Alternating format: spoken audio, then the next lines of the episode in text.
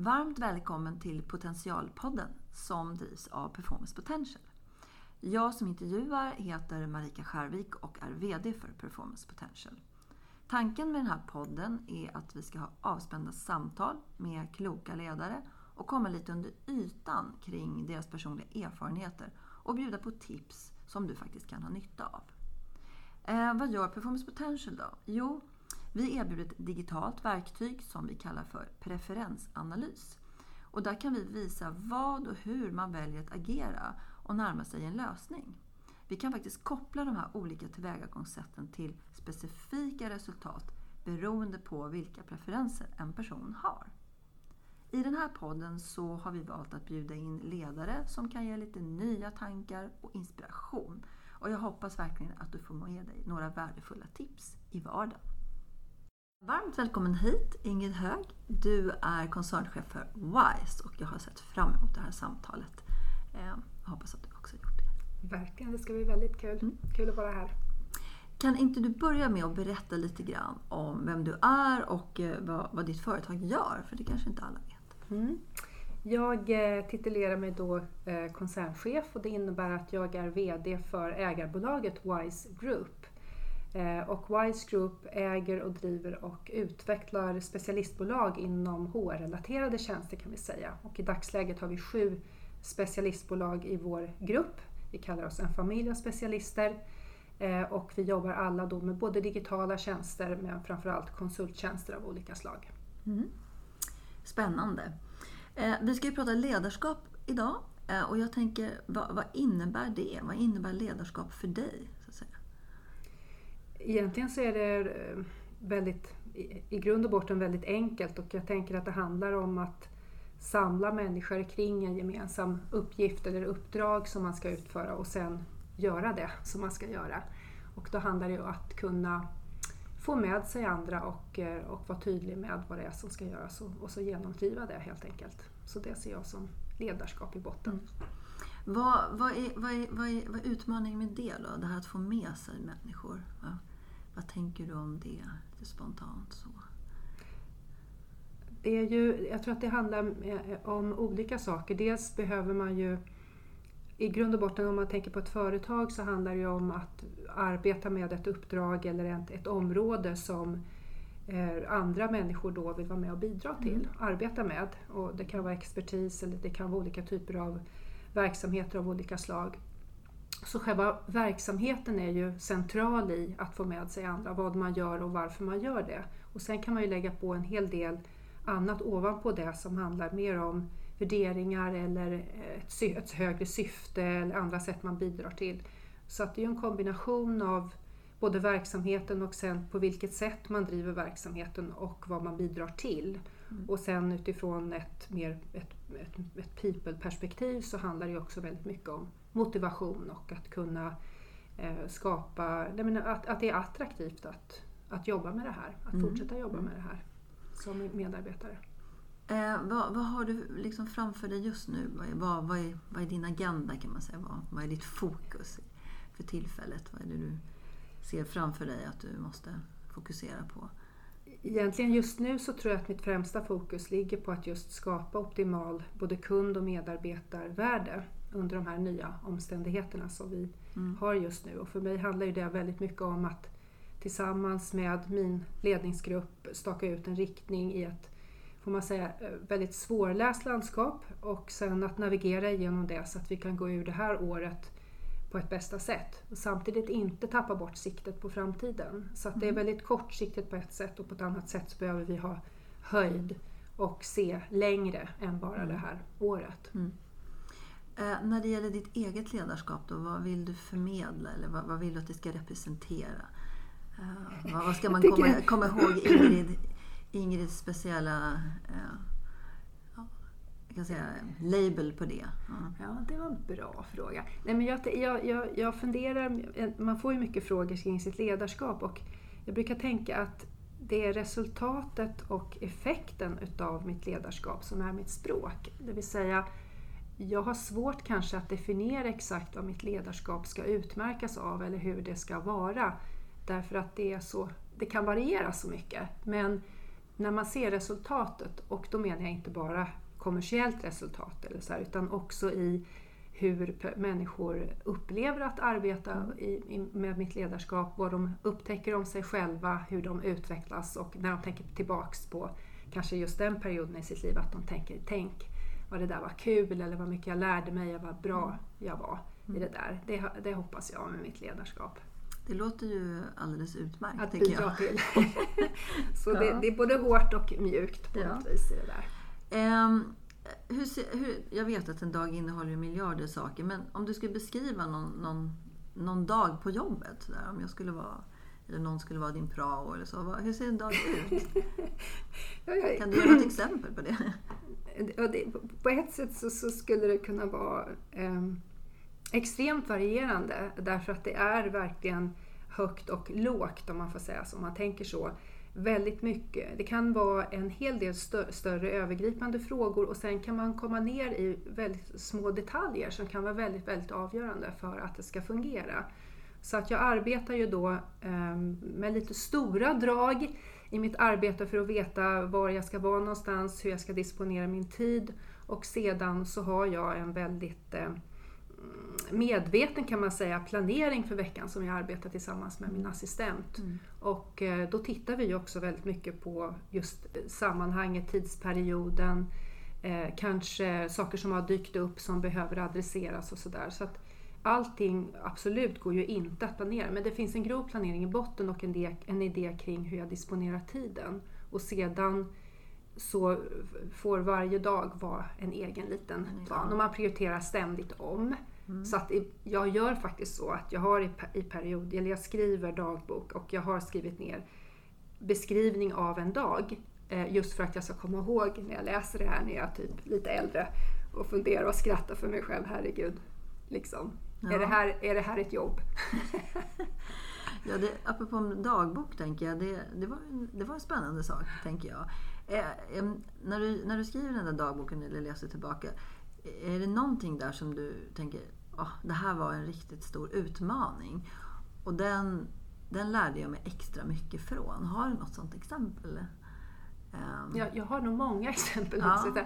Men jag, jag, skriver ju inte på dagsbasis på det viset att mm. det är liksom någon sorts mani att jag måste fånga varenda dag. Utan jag skriver vid behov och mm. jag har kommit fram till att det är mitt sätt att förstå saker och ting, att kunna ventilera saker och ting men också att få reflektion och insikter. Och det jag slås av när jag läser dagböcker då, eh, jag har ju dem, jag kommer inte ihåg, jag, jag har skrivit dagbok sedan jag var 8-9 år, så eh, ser ju jag att jag har vissa stråk av någonting som jag har arbetat med för min egen del under väldigt lång tid och sen kan jag se när jag plötsligt då någonstans märker att nu är det här inte längre någonting som eh, tynger mig eller liksom mm. bekymrar mig. Jag har mm. kommit vidare i det. Så det är ett sätt att också förstå sig själv.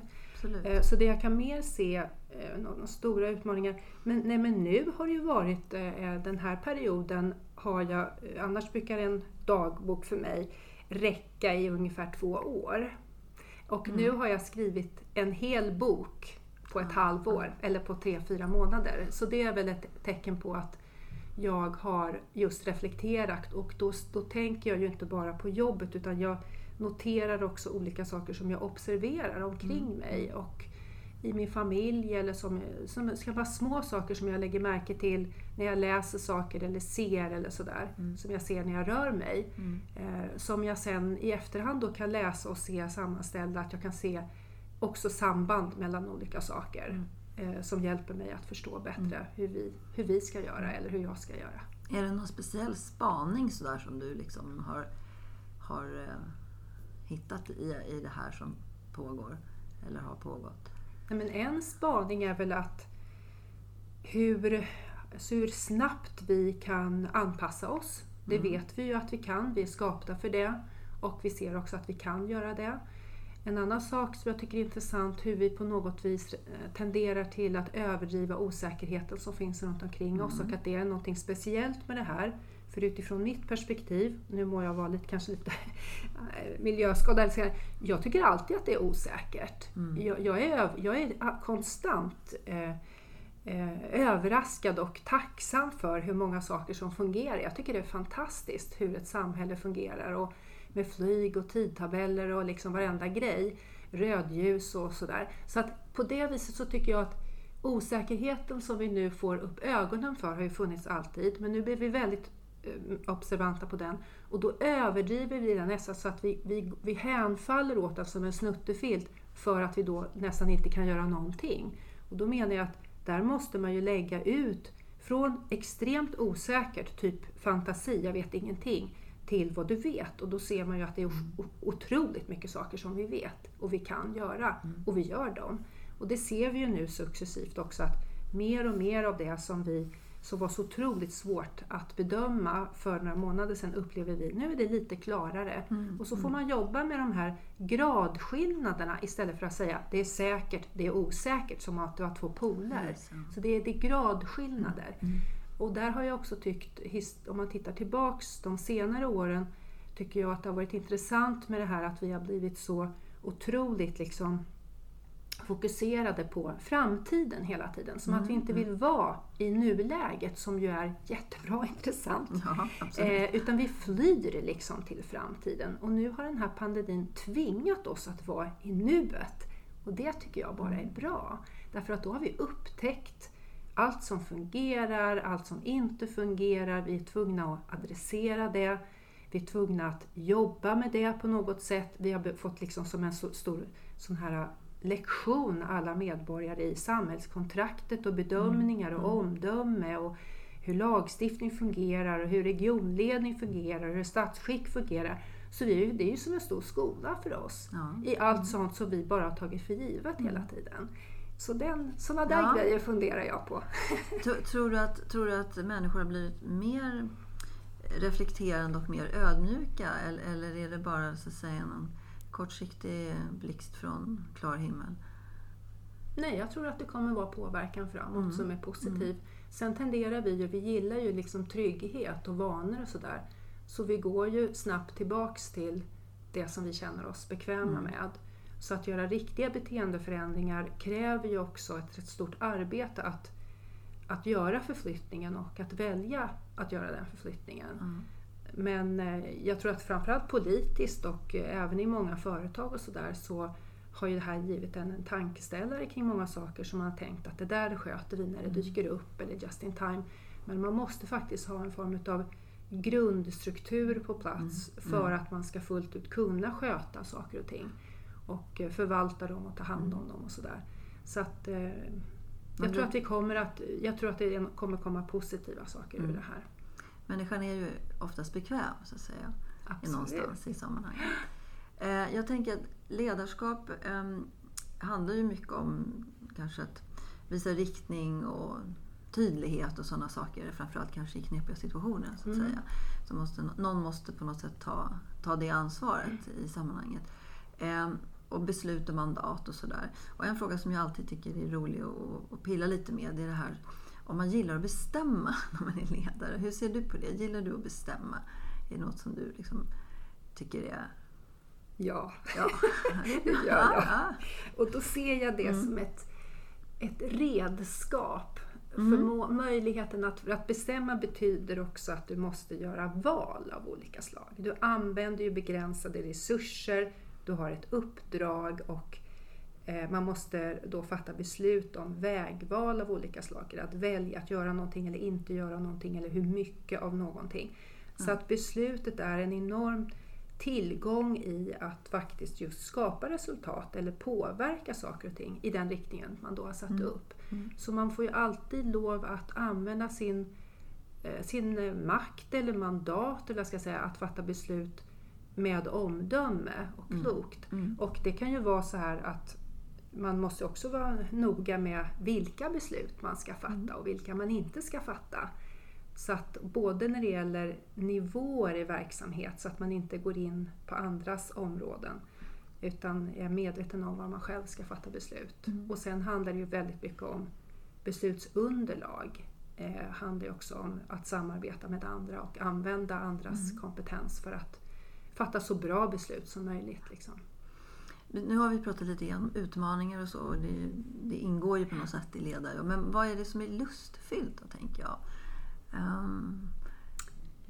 Det är mycket. det, är, det är väldigt lustfyllt tycker jag att ha fått möjligheten att arbeta um, över längre tid i en viss roll. Att, mm. att vara med och uh, bygga eller skapa ett bolag från en, en, mindre storlek till att bygga det större och i det arbetet jag har nu så har jag då möjlighet att jobba med andra så att det är ett större perspektiv. Och där tycker jag att det är väldigt lustfyllt att se att olika typer utav eh, beslut just, eller vägval som man har fattat, strategier kanske, eller eh, man har satt upp målbilder, hur man har tagit sig fram till dem. Mm. Och också att beslut som i min värld nästan aldrig handlar om 100% perfektion utan de handlar om 80% rätt. Eh, det handlar ju väldigt mycket om hur du implementerar dem och hur, hur den resan ser ut att faktiskt verkställa besluten. Mm. Och där kan det bli på ett helt annat sätt än vad du har tänkt innan. Så det tycker jag är mycket lustfyllt att också gå tillbaks och prata om det och titta mm. på det så att man får ett lärande kring att vi inte ska vara rädda i nya situationer där du kan jobba med en del osäkerhet utan ha mod att se vad vi kan göra bedömningar kring och sen just eh, välja någonting och sen se att det är först när vi har fattat beslutet och börjar mm. verkställa som vi kan påverka på riktigt att det mm. genomförs eller ej. Så där tror jag att det är väldigt lustfyllt. Är väldigt Därför att det är väldigt kul att se mm. resultat över tid. Och en annan sak är ju att samma typ av eh, tänk är ju att människor kan ju för, ändra sitt beteende, förflyttas eller, eller utvecklas väldigt snabbt under ett visst typ av tryck eller en mm. viss situation och det är häftigt. Men det som är ännu häftigare är att se förändringar över tid. Att jobba mm. med någon person eh, kanske i tre till fem år där man har varit med mm. och eh, bidragit till eller hjälpt till att ge återkoppling och coachning och sådär och se den personen ta sig mm. an nya uppdrag, våga gå in på sånt man inte behärskar och eh, lyckas med det. Mm. Det är otroligt kul. Du ser, det fanns mycket lustfyllt Ja, jag är lustdriven. ja, det är bra. Resultat och lustdriven. Ja, jag tänker det där har lite grann med potential att göra. Alltså att liksom på något sätt eh, kunna härbärgera och använda och utveckla potential. Vad, vad, tänker du om det? Jag tänker i ledarrollen, så hur, hur gör du det? Så att säga? Om vi pratar om de som är runt dig först. Liksom. Hur, har du något, eh, något litet, någon process eller någon, någon idé kring hur, hur, man gör det? så att säga? Kanske inte så, så att jag kan beskriva den precis men jag tycker hela tiden att det bygger på en form av Dels att man är överens om förväntningar och mm. uppdraget som sådant, vad man pratar om för någonting så att mm. vi vet vad det är för vilken kontext vi är i. Men sen handlar det mycket om dialog och att skapa en form av relation eller förtroende sinsemellan så att man vågar vara öppen. Mm. Eh, och eh, försöka förstå hur en annan person då tänker kring mm. sig själv och mm. det man ska göra och vad man upplever själv att man då behärskar eller inte behärskar eller var man är kompetent eller inte kompetent och sådär. Mm. Så att man tillsammans kan identifiera gap eh, och sedan eh, börja arbeta med hur man då mm. eh, hur man eh, använder den potentialen som finns så att man, om man säger, jag vill inte använda ordet opprimera, det låter inte så kul, men liksom använder den fulla potentialen. Men också, eh, jag utmanar ju. eller då har jag fått höra av andra att jag ställer höga krav och utmanar. För jag ser oftast eh, att en person kan göra någonting, mm. tycker jag själv. Jag kan se det, men personen själv kanske inte känner så. Och det kan jag liksom inte tvinga på, men vi kan jobba med det. Eh, så att, och sen kan det ju vara någonting helt annat som, som dyker upp i den här dialogen mm. som visar sig att man kanske innerst inne väldigt länge har längtat efter någonting helt annat. Och det är också okej. Okay. Mm. Så att eh, det är inte prestations, alltid prestationsbaserat utifrån den rollen man har eller det man gör utan där måste man börja men det kan leda till andra saker. Mm. Så jag mm. tänker att vi har också alltid mycket, mycket mer kapacitet än vad vi använder, det vet vi ju. Men då handlar det mer om den egna självbilden som man kanske hindrar sig själv från att nyttja den av någon anledning. Och sen så handlar det också om, mycket om rädslor. Man är rädd för att misslyckas, man är rädd för att det här är liksom inte jag eh, och så vidare. Och där kan man ju tillsammans faktiskt eh, jobba och märka och göra så att man känner oj, jag kunde göra det här. Mm. Så det är liksom att prova också. Att våga prova. Att precis. våga prova. Mm. Ehm, jag tänker, det här med värderingar är ju något som alla pratar väldigt mycket om. Jag, jag är mer intresserad av att tänka vilka, alltså vilka värderingar man har som ledare. Och jag tänker, vad är det hos dig som gör att eh, nej, där, liksom, där går gränsen. Vissa saker är, Mm. upprör en emotionellt och man kan inte kompromissa. Det har några sådana eh, så säga, värderingar som är viktigt, faktiskt viktigt att känna till också, tänker jag, för att Mm. kunna ja, vara, vara, eh, vara tillsammans med dig som medarbetare eller kollega. Så, vad har, har du några sådana? Ja, det har jag absolut. Mm. Och, och en, liksom en grundbult för mig är ju, jag brukar prata om eh, lagen om lika gensvar, eller eh, I'm okay, you're okay. Alltså, jag utgår alltid från en jämbördighet. Ja, ja. Eh, och det har inte med hierarkier att göra utan det har att göra med att vi är ju i det här sammanhanget så är det en, på en arbetsplats och det ju, gör det ju enklare. Det är inte hela världen liksom, Mm. utan det är det här sammanhanget. Har det med och- respekt att göra? Ja, respekt. mm, Det är det mm. det handlar om. Ja. Grundläggande ömsesidig respekt. Mm. Och då måste ju vi, om det är utgångspunkten, då arbetar jag utifrån den och jobbar med, med det som en utgångspunkt för att vi ska veta var vi har varandra. Mm. Ja. Och sen också, eftersom det är ett arbete och man har ett uppdrag, eh, om man märker att det inte är tydligt på vissa håll kring förväntningar eller man, man, man fattar beslut som kanske går i, stick i stäv Ja. med någonting. Då måste jag agera på det. Så att Mm. jag reagerar på sånt som jag känner då när det, in, när det tangerar vissa gränser eller går över vissa Ja. gränser. Så integritet och respekt och eh, det här att man är klar över vilket uppdrag och skillnaden på mitt och ditt. Mm. Därför mm. det är ju också det här som har att göra med att jag är ju eh, jag arbetar ju för någon annan. Mm. Jag har ett avtal som jag hedrar. Eh, Jag använder resurser som ägs av någon annan. Mm. Och det kan man tänka på, det är väldigt många saker. Mm. Så att vi måste hantera det med omsorg och respekt också för våran uppdragsgivare och vår ägare och sådär. Mm. Eh, Så att eh, det är inte mina grejer jag håller på med. Nej. Men det är mitt uppdrag och så det, det är viktiga saker för mig. Mm. Det var en väldigt, eh, en väldigt bra tycker jag, sätt att beskriva det på. För det gäller ju även alla andra också i en organisation. Ja, visst. Inte bara ledarskapet. Ja, ja. så. Så att allt det där som Ja, vi, med immateriellt och materiellt, ja, måste vi eh, Mm. eh, sköta på ett bra sätt. Ehm, en, en, en annan fråga som, som jag tänker på ibland, det är mycket debatt om, om eh, det här med att sömn är viktigt för liksom, återhämtning och sådana saker. Och det finns eh, också många undersökningar som visar att ledare sover kanske inte alltid så bra om nätterna. Eh, och så jag tänkte fråga, hur är det med det? Liksom?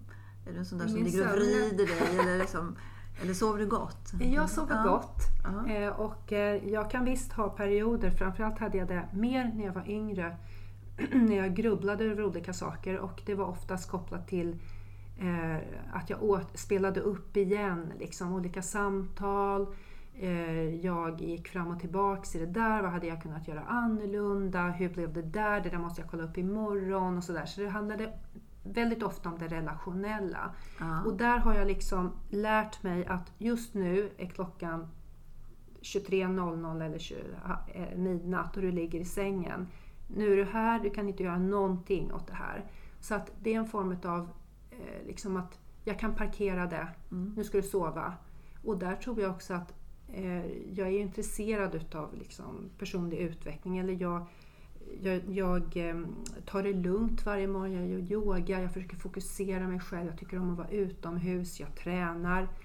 Så på olika sätt, så jag mediterar inte aktivt men jag vet att jag kan stillna Mm. och ta hand om och andas och göra sådana saker som jag har gjort i hela mitt liv. Ja. Så det är mitt sätt att, att, att lugna ner mig och försöka vara så, så mycket i nuet som Ja. möjligt och, och inse då rationellt att på riktigt, liksom, coola ner dig nu och lägg dig. För att det är lite som att vara sin egen förälder. Men lite mental självbevarelsedrift skulle man kunna Ja. säga på något sätt, eller hur? Absolut. Få ihop det där. Ja.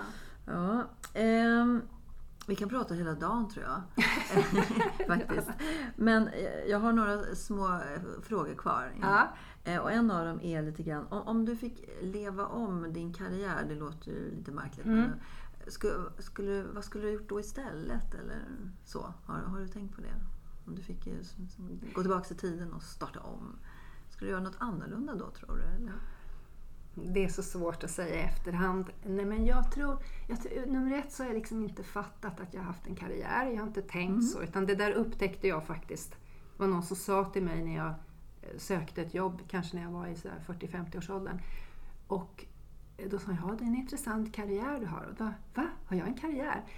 Alltså, sen har jag ju fattat, ja det är det, är det här när det, det är det här du ser liksom på CV. Jag tycker det var en bra, ett bra motfråga faktiskt. Ja, ja, eller ja, hur? Ja, Eh, Men eh, så vad skulle jag göra annorlunda? Nej, jag tror inte det. Det ena har lett till det andra och jag har också känt väldigt mycket de senare åren och frågat mig hur kan jag stanna så länge i en verksamhet som WISE? För jag är inne på mitt, jag kommer inte ihåg, 12-13 år någonting sånt. Men det är ju för att det har hänt så väldigt mycket under de tiden och jag har fått möjlighet att och verkligen vara med och bygga och prova olika saker och jobba med väldigt duktiga individer.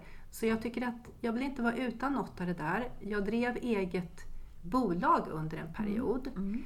eh, och det har jag funderat på i efterhand. Vad hade hänt om vi inte hade sålt bolaget Ja, och gått ja. in i... Vad hade hänt? Hur långt hade vi kunnat komma? Jag var inte riktigt med Nej. på det, men jag såg också att det var en väg och vi Mm. kom överens om det. Eh, min eh, affärspartner och jag. Ja. Och det blev också, eh, ser jag ju nu i efterhand, bra. Mm. Men eh, personligen så var jag, jag tycker om det där att bygga bolag så jag tror att det finns en entreprenör i mig. Mm. Hade jag inte hållit på med det här, jag tror, och det är inte för sent än, men jag är ju liksom lite så här eh, en lite för extrovert forskartyp då. Så att jag tycker det, det är möjligt att jag kommer ägna mig åt någon form av forskning eller skriva eller någonting sånt mer. För jag tycker det är väldigt intressant att fördjupa mig i saker. Mm. Jag är ju lite nördig. Det ser vi fram emot när- när du väl kommer dit. Ja. om det är så. Jag har en sista fråga. Du har ju många goda erfarenheter och kloka råd. Och så. Om du skulle välja ut tre bra insikter som du har fått som du skulle vilja skicka med dig till, till andra. Dela med dig. Vad skulle det vara? Liksom, om du väljer ut några, ja, tre eller om du hittar fler. Nu har ju jag skrivit upp de här så nu ska jag läsa utan till. det blir lite mer konkret. Eh, Det här är ju mer insikter och kanske tips till eh, ledare eller Mm, chefer. Då. mm, mm. Att eh, snarare eh, än att eh, tänka på är jag en bra chef och sådär, så gå igång på uppgiften och uppdraget så kommer ledarskapet på vägen. Mm. Och min erfarenhet är att de bästa cheferna och ledarna är de som ofta inte tänker på att de vill bli chef. De vill snarare skapa resultat och påverka, Mm. jobba med andra. Mm. Det andra tipset är att hitta din egen stil. Det finns väldigt mycket chefsfabriker idag. Jag kanske inte får säga det här i din podd, men liksom ledarskapsporr nästan. Och då måste man vara grundad, jag tror att det viktigaste är att man är grundad i sig själv för att man måste kunna leda sig själv, tycker jag, på ett bra sätt för att kunna leda andra. Mm. Och den tredje är att var inte så hård mot dig själv. Så tillåt dig också att ha kul. Våga vara spontan ibland. Mm. Och eh, där är det ju också så här att våga gå på magkänsla ibland.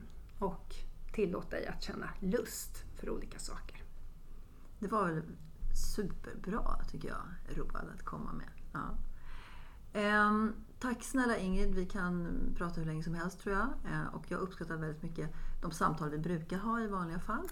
Ehm, så tack så hemskt mycket för att du kom hit. Och, ehm, ja, Tack Marika!